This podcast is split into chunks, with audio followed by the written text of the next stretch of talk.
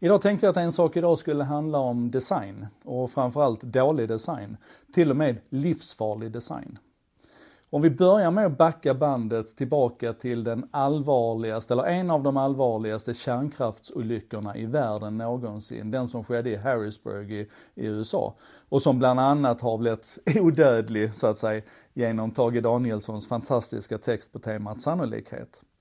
Den olyckan den, den skedde till stor del på grund av att man hade dåligt designade alarmsystem. Så att personalen som jobbade med kontrollfunktionerna, de blev helt enkelt överväldigade av uselt designade akustiska larm. Och den här olyckan kan man, och bör man läsa om, den, ni kan googla på det eller gå till Wikipedia, i synnerhet de av er som inte var födda när det här hände. Så att ni kan uppdatera er på det. Det finns också en podd, jag tror det är 99% Invisible, som alldeles nyligen i ett litet miniavsnitt pratade om just den här olyckan. Och hur den kom till att bli startskottet på att man förbättrade ljuddesignen på alarm.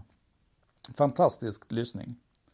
Men det som egentligen är, är utlösande faktor för mig nu att börja tänka på det här, det är det som hände på Hawaii den 14 januari, i det här fallet då för tre dagar sedan.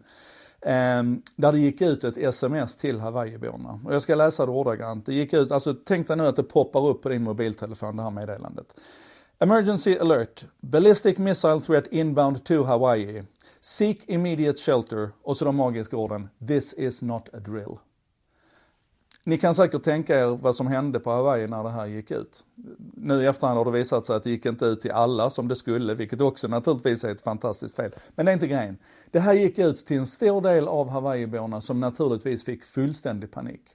Man, det finns filmer här på folk som springer på gatorna och snubblar över varandra, mobilnätet blir överbelastat och, och det tog en stund innan man kunde liksom gå ut och meddela att, att det här stämmer inte, fast att det står “this is not a drill” så var det faktiskt bara ett övningsmeddelande. Och det här är naturligtvis ett, ett fruktansvärt misstag. I grund och botten så är det ett, ett mänskligt misstag. Men det är ett mänskligt misstag som är oerhört lättförklarat när vi nu ser bilder på hur den här skärmen såg ut som den här stackars operatören satt vid. Det var alltså en, en skärm, eh, en vanlig datorskärm med mus och tangentbord och där satt han då och skulle klicka på en länk för att skicka iväg ett test in i systemet. Det skulle inte gå ut någonting, ett, ett test bara. Ehm, och när man ser hur den här skärmen ser ut med en, en samling blålänkar helt enkelt med bara enstaka ord som, som skiljer det åt, så är det otroligt lätt att förstå att den här stackaren klickade på fel länk. Och det här är ju ett, ett enkelt designfel. Det är liksom, det, det, det är, så, det är så lättbegripligt att det inte borde se ut på det viset. Naturligtvis så skulle det varit färgkodade skillnader på de här och, och klickar man på det skarpa meddelandet så ska det naturligtvis komma upp en kontrollfråga. Är du säker på att du vill skicka ut det här till, till alla invånare? Alltså du vet. Och det här är ju, båda de här två fallen med Hawaii och Harrisburg är ju fall som potentiellt kan vara livsfarliga. Och det är ju oftast inte så vi ser på teknik kanske, utan vi kanske bara grämer oss över att det är svårt att hitta rätt på en sajt eller att det är svårt att knappa in rätt kanal på, på vår, eh, vår bilradio, om man nu har sån fortfarande. Ja men ni fattar vad jag menar.